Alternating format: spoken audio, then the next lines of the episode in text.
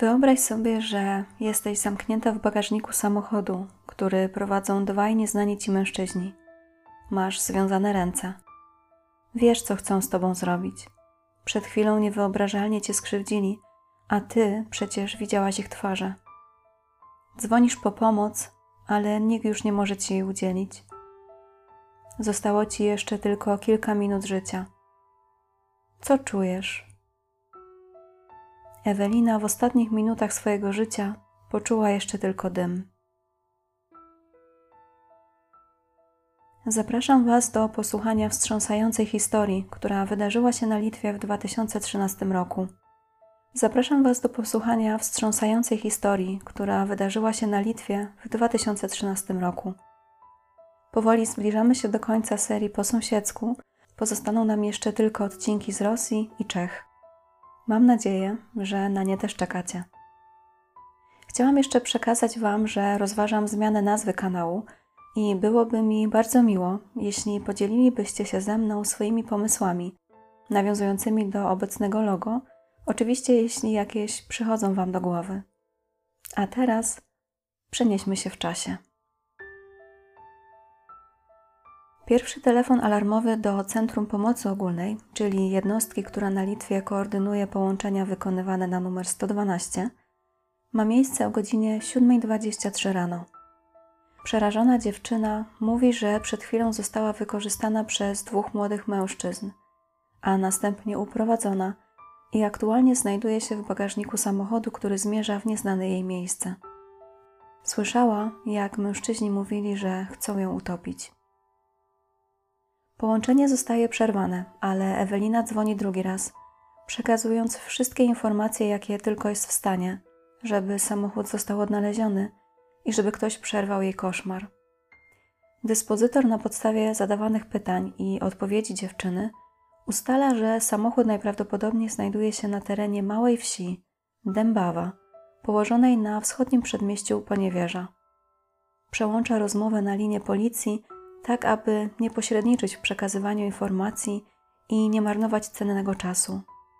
Od tego momentu siedemnastolatka rozmawia już bezpośrednio z policją. Wszystkie jednostki mające tego dnia dyżur w Poniewierzu i okolicach zostają wysłane na poszukiwania. Wiedzą, że czasu jest mało, a stawka bardzo wysoka. Chodzi o życie nastolatki. Cztery zastępy szukają zielonego Volkswagena Passata, zaparkowanego w pobliżu okolicznych zbiorników wodnych. Sprawdzane są też wszystkie pojazdy pasujące do opisu, a jadące w stronę takich zbiorników. Przeszukuje się również parki i inne okoliczne tereny i wsie. W tym samym czasie wszyscy w Centrum Pomocy Ogólnej są poderwani do działania. Muszą działać nieszablonowo, bo sytuacja jest szczególna. Każdy z nich gorączkowo szuka pomysłów, jak pomóc dziewczynie.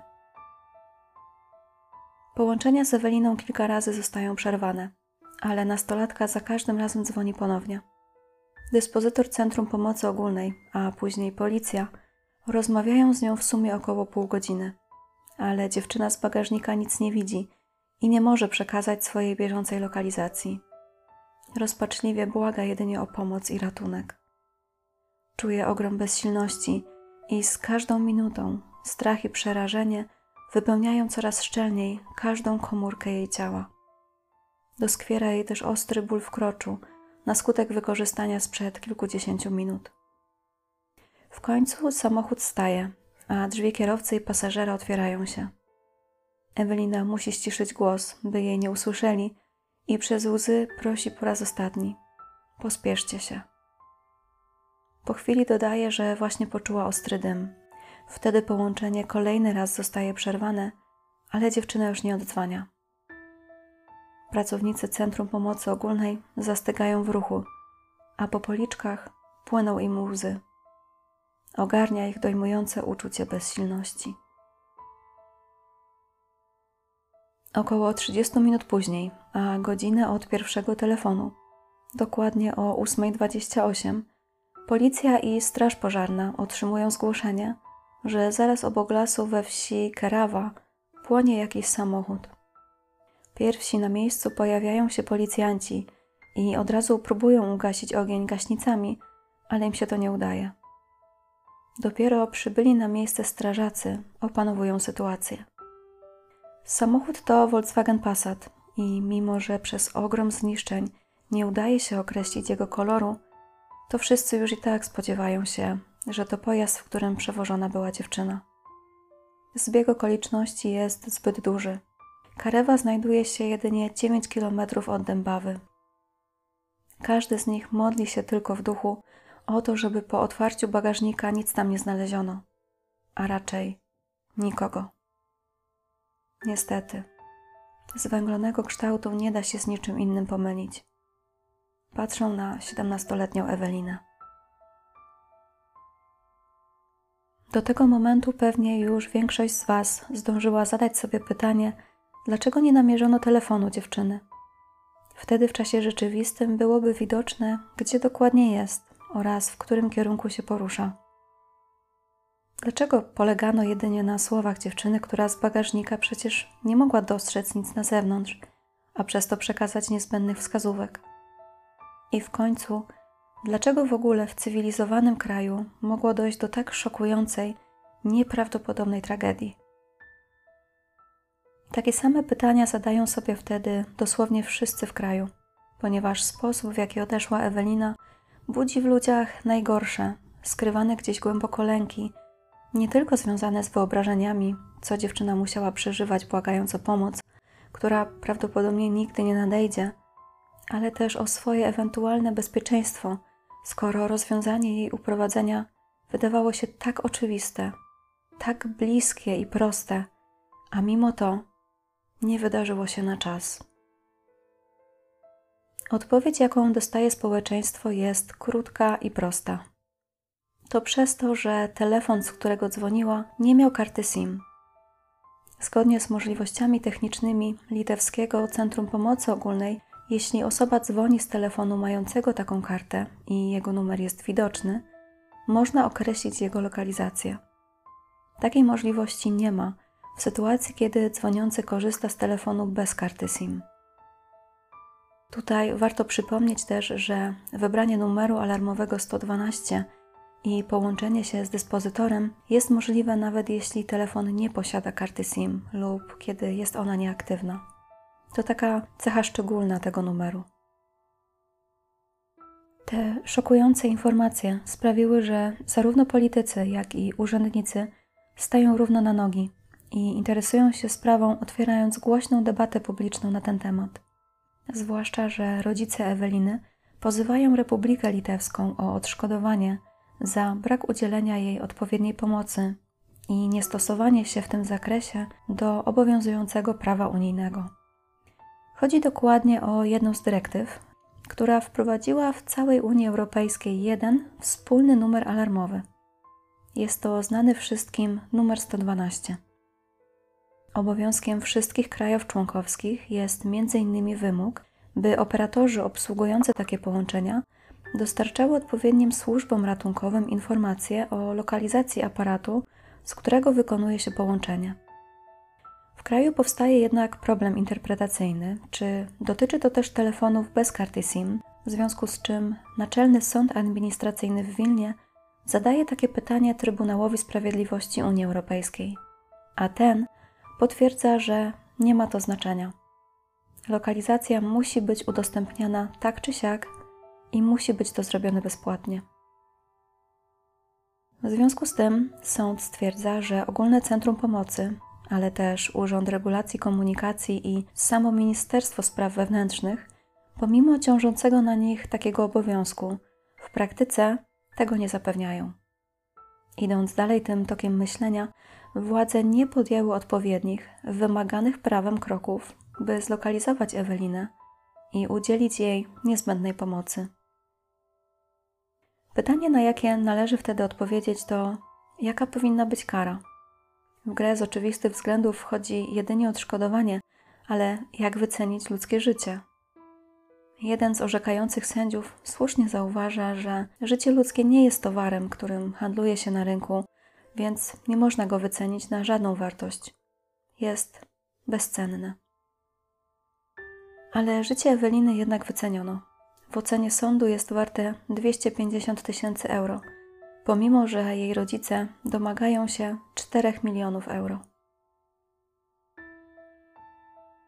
W kraju po prostu wrze. W sprawę angażuje się sama pani prezydent, która wzywa, aby zostały zaktywizowane niezbędne środki do prawidłowego działania systemu pomocy. Cytując jej wypowiedź, nie ma usprawiedliwienia na to, że Centrum Pomocy Ogólnej, którego budowa kosztowała 80 milionów litrów, nie może pomóc człowiekowi, a rozwiązywaniem problemu zajmuje się po tym, jak stała się tragedia. Tutaj wyjaśnię, że 80 milionów litrów to około 25 milionów euro. Minister Spraw Wewnętrznych zwołuje zatem naradę i zaznacza, tutaj znowu cytując, niezależnie od tego, jak dalej będzie się rozwijała sytuacja, wszyscy odpowiedzialni kierownicy Centrum Ogólnej Pomocy będą ukarani tak surowo, jak tylko można. Trzeba uczynić wszystko, by dzwoniąc na numer alarmowy otrzymać niezwłocznie pomoc. Jednak jak się potem okaże, nikt z imienia i nazwiska nie zostanie pociągnięty do odpowiedzialności. No, może oprócz jednej osoby, ale o tym za chwilę. W toku tych wielu debat wychodzi na jaw, że już 7 lat przed tragedią Unia Europejska wzywała Republikę Litwy do działań naprawczych, bo dane lokalizacyjne nie zawsze były przekazywane przez operatorów. Okazuje się też, że sam ówczesny minister spraw wewnętrznych wiedział o tych brakach, ale nic z tym nie zrobił. Reaguje stanowczo dopiero po śmierci dziewczyny i niejako składa społeczeństwu ofiarę z szefa Centrum Pomocy Ogólnej, który zostaje od razu odwołany. Nie ukarano również operatorów obsługujących numer alarmowy, którzy za wdrożenie systemu prawidłowo obsługującego numer alarmowy 112 otrzymali ze środków publicznych aż 25 milionów euro. Były to trzy firmy: Bite, Omnitel i Tele2. I tylko ta ostatnia faktycznie wdrożyła takie rozwiązanie. Winnych nie znaleziono i nie ukarano. Odpowiedzialność, jak niestety często to bywa, została rozsmarowana po wszystkich i po nikim równocześnie. W rok po śmierci Eweliny Pozostali operatorzy nadal nie mieli systemów umożliwiających zapewnienie identyfikacji lokalizacji dzwoniącego. Niestety nie udało mi się ustalić, jak sytuacja wygląda obecnie, czyli 8 lat później. Jeszcze tego samego dnia, w którym znaleziono dziewczynę, po południu, policja zatrzymuje i aresztuje trzech podejrzanych w dwóch różnych miejscach w pobliżu Poniewierza zaledwie kilka kilometrów od miejsca porzucenia i spalenia samochodu. Są nimi 33-letni Julius Jakubaitis i jego znacznie młodszy, 21-letni brat, a także Davidas Antanaitis, 22-latek, który w chwili aresztowania jest nietrzeźwy. Towarzystwo poznało się zaledwie kilka dni wcześniej. Na ich trop śledczy trafiają po tym, jak podejmują się ustalenia właściciela spalonego auta. Początkowo trafiają na mężczyznę, który okazuje się nie być już jego właścicielem, ponieważ kilka dni temu samochód sprzedał. Mężczyzna jednak dzieli się ze śledczymi tym, co wie i tym, co pamięta, i na podstawie tych informacji sprawnie udaje się namierzyć kogo trzeba. Chodzi o młodszego brata Juliusa, ale zaraz okazuje się, że z całą sprawą nie ma nic wspólnego. Poprzedniego dnia pożyczył samochód bratu. Pozostali dwaj mężczyźni już od dłuższego czasu są dobrze znani policji. Obaj są bezrobotni, więc mają sporo czasu na rozboje. Starszy z nich, Julius, był wcześniej skazywany cztery razy. Kilka razy dopuścił się kradzieży, a pewnego dnia pobił swoją żonę, łamiąc jej przy tym nos. Podobno za każdym razem wszystkiemu zaprzeczał, a w przypadku pobicia utrzymywał, że uderzenie było przypadkowe natomiast wyroków wysłuchiwał z uśmiechem na twarzy. Mieszkał razem z matką i bratem na trzecim piętrze bloku i według relacji sąsiadów ciągle się upijał, nawet na klatce schodowej. Davidasa natomiast skazywano aż sześciokrotnie, począwszy od 2007 roku. Głównie za kradzieże, napady, oszustwa, ale też za posiadanie narkotyków. aż do śmierci swojego ojca cały czas mieszkał razem z nim. Podobnie jak Julius, często się upijał i mówi się, że sprowadzał do mieszkania nieletnie dziewczyny. Po zatrzymaniu początkowo obaj zaprzeczają, jakoby mieli cokolwiek wspólnego ze śmiercią Eweliny. Przyznają się jedynie do tego, że faktycznie tego ranka widzieli dziewczynę na przystanku, ale nie nawiązali z nią żadnego kontaktu. Po jakimś czasie jednak zaczynają obwiniać siebie nawzajem. Julius broni się, opowiadając, że wysiadł z samochodu w drodze do lasu, a to jego kolega pojechał tam dalej z dziewczyną. Po chwili zobaczył dym unoszący się nad drzewami. Z kolei Davidas ma inną wersję wydarzeń, ale nie została ona przekazana do wiedzy publicznej. Jakakolwiek by nie była, zatrapania na jego twarzy opowiadają swoją własną historię. W którymś momencie dochodzi nawet do tak kuriozalnej sytuacji, że obaj przyznają, że w pewnym momencie samochód im się po prostu zapalił, ale nie potrafią wytłumaczyć, skąd w bagażniku znalazła się dziewczyna.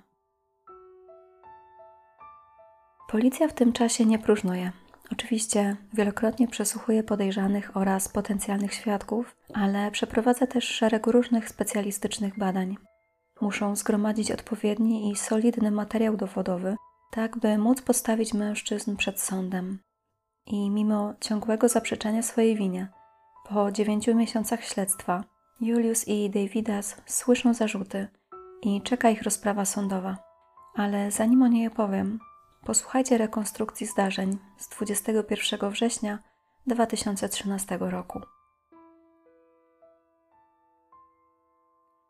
Około siódmej nad ranem Julius i Davidas bez celu krążą pożyczonym samochodem po ulicach Poniewierza. Właśnie skończyli całonocną, srogo zakrapianą alkoholem libację, połączoną z paleniem marihuany oraz zażywaniem amfetaminy i nie mają jeszcze zamiaru wracać do domu. Szukają sobie zajęcia. Wtedy widzą ją. Atrakcyjną, młodą blondynkę. Potem w trakcie śledztwa dowiedzą się, że miała 17 lat i na imię Ewelina. Mieszkała w pobliskiej wsi Dębawa – i prawdopodobnie wracała właśnie do domu. Dziewczyna siedzi na jednym z przystanków autobusowych i czeka na przyjazd autobusu. Pomysł rodzi się sam. Podjeżdżają do niej i siłą wpychają do wnętrza auta. Nie ma wątpliwości, że to było porwanie, ponieważ nastolatka, mimo że była bardzo komunikatywna, to równocześnie ostrożna. Unikała nieznajomych i miała wobec nich ograniczone zaufanie nigdy dobrowolnie nie wsiadłaby do samochodu, w którym znajdowało się dwóch starszych, nieznanych jej mężczyzn.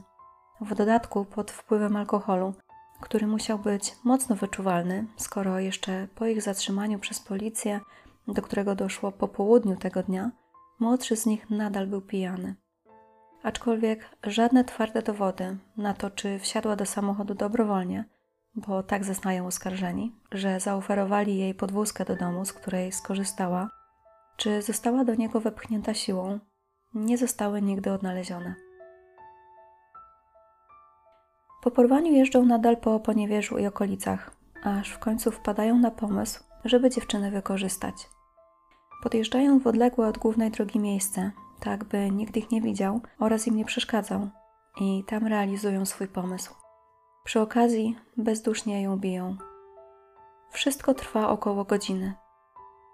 Następnie przerażoną, obolałą i nagą nastolatkę zamykają w bagażniku, grożąc jej, że ją utopią, i po chwili ponownie ruszają w drogę. Wtedy, jak wiecie, Ewelina wielokrotnie szuka pomocy pod numerem alarmowym 112. Kiedy samochód staje, ostatnie co słyszy dyspozytor to słowa: Czuję dym a następnie kaszel nastolatki. Ale chwilę wcześniej nastolatka dzwoni jeszcze, zapewne przez jakiś komunikator, do swojego znajomego, któremu również mówi, że została porwana i błaga o pomoc. Dym to skutek użycia substancji łatwopalnych i podpalenia auta. Nastolatka musi domyślać się, co się właśnie dzieje i że nie ma już dla niej ratunku. Śmierć nadchodzi, i będzie to śmierć jedna z najgorszych możliwych. ogrom fizycznego bólu wywołanego żorącym dymem, gorącą blachą i płomieniami, to coś, o czym nie chcę nawet myśleć. Pozostaje mieć nadzieję, że straciła przytomność, zanim spłonęła żywcem, ale tego lekarzom nie udało się nigdy ustalić. Około 8.30 palący się samochód widzą spacerowicze, idący okoliczną leśną drogą. Niezwłocznie zgłaszają to służbom. Rodzina Eweliny nie zostaje poproszona o rozpoznanie znalezionego w bagażniku ciała, ponieważ stopień jego zwęglenia jest zbyt duży. Płomienie spustoszyły je tak bardzo, że nie ma już nic do rozpoznania i należy skorzystać z badania DNA, by jednoznacznie potwierdzić tożsamość. Przez ciągłe zaprzeczanie swojej winie nigdy nie udało się ustalić powodów pozbawienia życia siedemnastolatki. Wydaje się prawdopodobnym, i tak donoszą media, że Julius i Davidas obawiali się, że dziewczyna będzie mogła ich rozpoznać po tym, jak ją skrzywdzili. W końcu byli recydywistami, a tego przecież nie chcieli. Lista czynów, o które obaj zostają oskarżeni, jest bardzo długa. Grozi im kara pozbawienia wolności do lat 20 albo dożywotnio. Rozprawa odbywa się w sądzie okręgowym w Poniewierzu i ma charakter niejawny. Tak postanowili sędziowie na wnioski obu stron, zarówno krewnych nastolatki, prawników, prokuratora i samych oskarżonych, uzasadniając swoją decyzję również tym, że w trakcie rozprawy będzie ujawnianych wiele szczegółów przestępstwa, ale też życia prywatnego osoby nieletniej, czyli Eweliny. Mężczyźni przekonują sąd, że mają problemy ze zdrowiem psychicznym. Mówią, że słyszą różne głosy, w tym muzykę, jaką nastolatka dla nich gra. Ta linia obrony zostaje jednak szybko obalona, ponieważ ich stan psychiczny zostaje szczegółowo zbadany przez powołanych biegłych. A w ich ocenie żaden z nich nie wykazuje tego typu problemów ani zaburzeń. Dodatkowo tego feralnego poranka zdawali sobie sprawę ze swoich czynów i nie ma co doszukiwać się tutaj żadnych okoliczności łagodzących. Przez cały okres śledztwa Julius i Davidas przebywają w areszcie. Aby wysłuchać wyroku w sądzie okręgowym, zostają do niego przetransportowani w kajdankach, otoczeni przez wielu policjantów. Stale starają się ukrywać twarz przed innymi obecnymi tam osobami. Sąd nie ma wątpliwości. Zgromadzone dowody jednoznacznie potwierdzają winę obojga. Przede wszystkim są to słyszalne na nagranych zaraz przed podpaleniem rozmowach telefonicznych z numerem alarmowym dwa męskie głosy, które debatują, czy ponownie wykorzystać dziewczynę, a następnie jeden z nich mówi: Daj zapalniczkę. Potem słychać jeszcze krzyki dziewczyny, błagające, by jej nie krzywdzić. Zeznania oskarżonych są bardzo wątpliwe, wzajemnie oskarżające, ale przede wszystkim nie są spójne i były wielokrotnie zmieniane. Ale odnaleziono też liczne ślady biologiczne, m.in. w miejscach intymnych nastolatki. Ponadto istotny dla sądu jest fakt, że oskarżonymi o najgorsze są wielokrotni recydywiści, którzy nieraz dostawali szansę na poprawę swojego życia, z której usilnie nie chcieli skorzystać. Po usłyszeniu wyroku, a brzmi on zgodnie z żądaniem prokuratora, kara dożywotniego pozbawienia wolności, Julius i Davidas od razu decydują się na apelację, a następnie kasację, która ostatecznie trafia do Sądu Najwyższego. Podobnie jak w Polsce jest to jedyny sąd kasacyjny, od którego orzeczeń nie ma już dalszych możliwości odwoławczych. Obaj domagają się uniewinnienia w zakresie odebrania życia Ewelinie – zmniejszenia kary za jej wykorzystanie, a także odszkodowania z tytułu bezprawnego pozbawienia wolności. Sąd Najwyższy jednak nie dostrzega argumentacji przygotowanej przez obrońców mężczyzn i kara dożywocia staje się już jedyną wizją przyszłości skazanych. Zresztą sam adwokat Davidasa wypowiada się później, że kara jest logiczna, ponieważ można by było oczekiwać łagodniejszego wyroku gdyby oskarżeni przyznali się do winy, a tego ostatecznie nigdy nie zrobili. W litewskich więzieniach, według tamtejszego Departamentu Więziennictwa, przebywa wtedy 118 osób skazanych na dożywocie.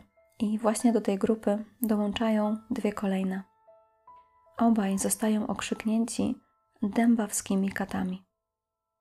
Sąd przyznaje też ponad 100 tysięcy euro rodzicom Eweliny, ale nie ma co się łudzić, że sprawcy przebywający w więzieniu w jakikolwiek sposób zapłacą te pieniądze.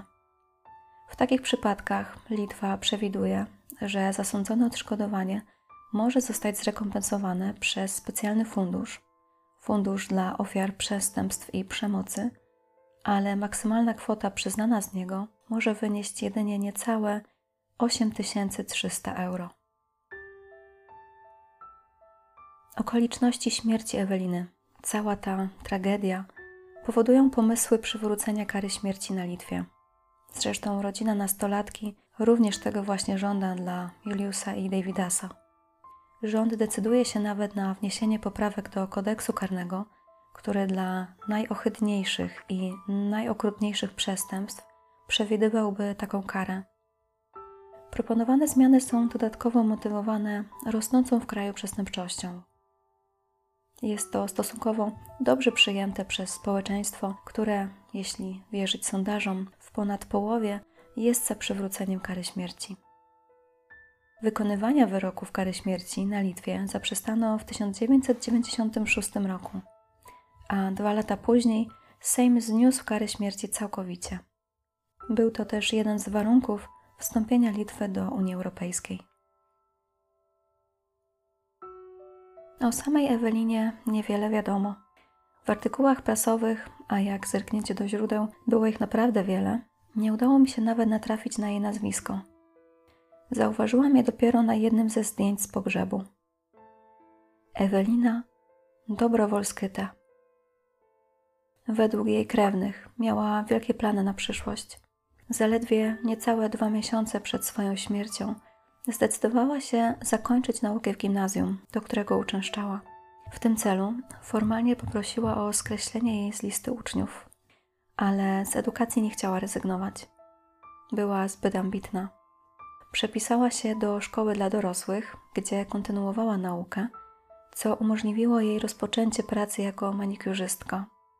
Chciała zarobić na wyjazd do Anglii, żeby tam iść na studia i podjąć pracę. W Anglii mieszkali jej krewni, rodzice chrzestni jej młodszego brata, wychowujący również córkę w tym samym wieku co ona. Ich obecność wydawała się pewnym ułatwieniem tak dużego kroku. Jak mówi jej babcia, Dziewczyna była bardzo chłonna, utalentowana i skupiona. Ale Ewelina wcale nie musiała pracować, bo pochodziła z rodziny, która finansowo radziła sobie całkiem nieźle i z wygospodarowaniem pieniędzy na wyjazd nie byłoby problemu. Jednak ona chciała zaznać smaku pracy, poczuć się jak osoba dorosła, usamodzielnić się i sama na siebie zarobić. Zresztą już wcześniej podejmowała pracę w czasie letnim u lokalnego rolnika zbierała truskawki, ale całą zarobioną kwotę oddała wtedy bratu. Nawiasem mówiąc, jeździła na to pole tą samą drogą, którą po raz ostatni przewieźli ją w bagażniku Julius i Davidas. Po jej śmierci lokalna społeczność postanowiła zorganizować zbiórkę pieniędzy dla jej rodziny, dokładnie na walkę w sądach, jaka ich czekała. Ale sprawa była głośna i niestety wywęszyli ją również oszuści. Zaczęto zakładać fałszywe zbiórki na portalach społecznościowych, na które nieświadomi ludzie chętnie przelewali pieniądze. Trwało to do czasu, aż jeden z krewnych Eweliny natrafił na taką zbiórkę i zapytał o nią jej mamę. Okazało się, że nie wie nic o niej ani ona, ani okoliczni mieszkańcy. A jak wygląda odbywanie kary przez Juliusa i Davidasa? Ano, całkiem dobrze. Dla nich. Davidas sądził się o naruszenie jego praw. Narzekał, że z powodu nieodpowiednich warunków przetrzymywania jego ruchy były ograniczone, więc odczuwał ból, a jego godność poniżona, bo toaleta była tylko przysłonięta kotarą i inni więźniowie z celi mogli go podglądać. Ogólnie rzecz biorąc, w jego celi nie zapewniono minimalnej, niezbędnej przestrzeni życiowej. Julius też nie marnował czasu i uskarżał się na złe jedzenie, nieodpowiednią temperaturę, za krótkie spacery, brak prywatności, a nawet zbyt częste, bo pięciokrotne zmienianie celi w ciągu czterech lat. Oprócz tego, że chyba traktowali pisanie takich skarg jako rozrywkę, która umilała im chwilę w więzieniu, to było dla nich to też zajęcie dochodowe. Jeśli odpowiednio napisze się skargę, może zostać zasądzone niemałe odszkodowanie, nawet bez konieczności wychodzenia z celi i stawiania się na rozprawach sądowych. Skutek? Państwo musiało im zrekompensować wyrządzone im szkody, w cudzysłowie oczywiście, wypłacając odszkodowanie. Poza tym nie próżnowali i nadal zażywali narkotyki. Ktoś przysyłał im je w listach. Były przemycane w bokach kopert, które były delikatnie sklejone. W końcu proceder wyszedł jednak na jaw, jak jeden z pracowników więzienia zwrócił uwagę na częściowo sklejone boki koperty. Po ich rozdarciu zobaczył sklejone dwa paski papieru, a w środku substancje psychotropowe. Przed przekazaniem listu wskazanym pracownicy więziennictwa sprawdzają je bez czytania i cenzurowania ich treści, ale muszą upewnić się, że koperta nie zawiera przedmiotów i akcesoriów, których więźniom mieć nie wolno. Julius i Davidas, niechlubnie okrzyknięci przez jeden z serwisów internetowych jednym z najbardziej szokujących wydarzeń roku 2013, nigdy już nie będą cieszyć się wolnością. Nie zaczerpną powietrza poza murami więzienia, ale tym samym nie skrzywdzą też już żadnej niewinnej osoby. Ale jednocześnie Ewelina, siedemnastoletnia, pełna planów i ambicji nastolatka, nigdy nie zrealizuje swojego marzenia, by zobaczyć świat, by zaznać pełnoletności. Przez nich Ewelina nigdy już nie poczuje nic, a jej rodzina będzie czuła tylko ból. Kochani, dziękuję za wysłuchanie tej niezwykle smutnej historii. Jeśli macie jakieś pomysły na rebranding nazwy mojego kanału, która nadal będzie pasować do aktualnego logo, to będę wdzięczna za propozycję. Kto wie, może to właśnie Twoja propozycja zostanie ze mną na stałe.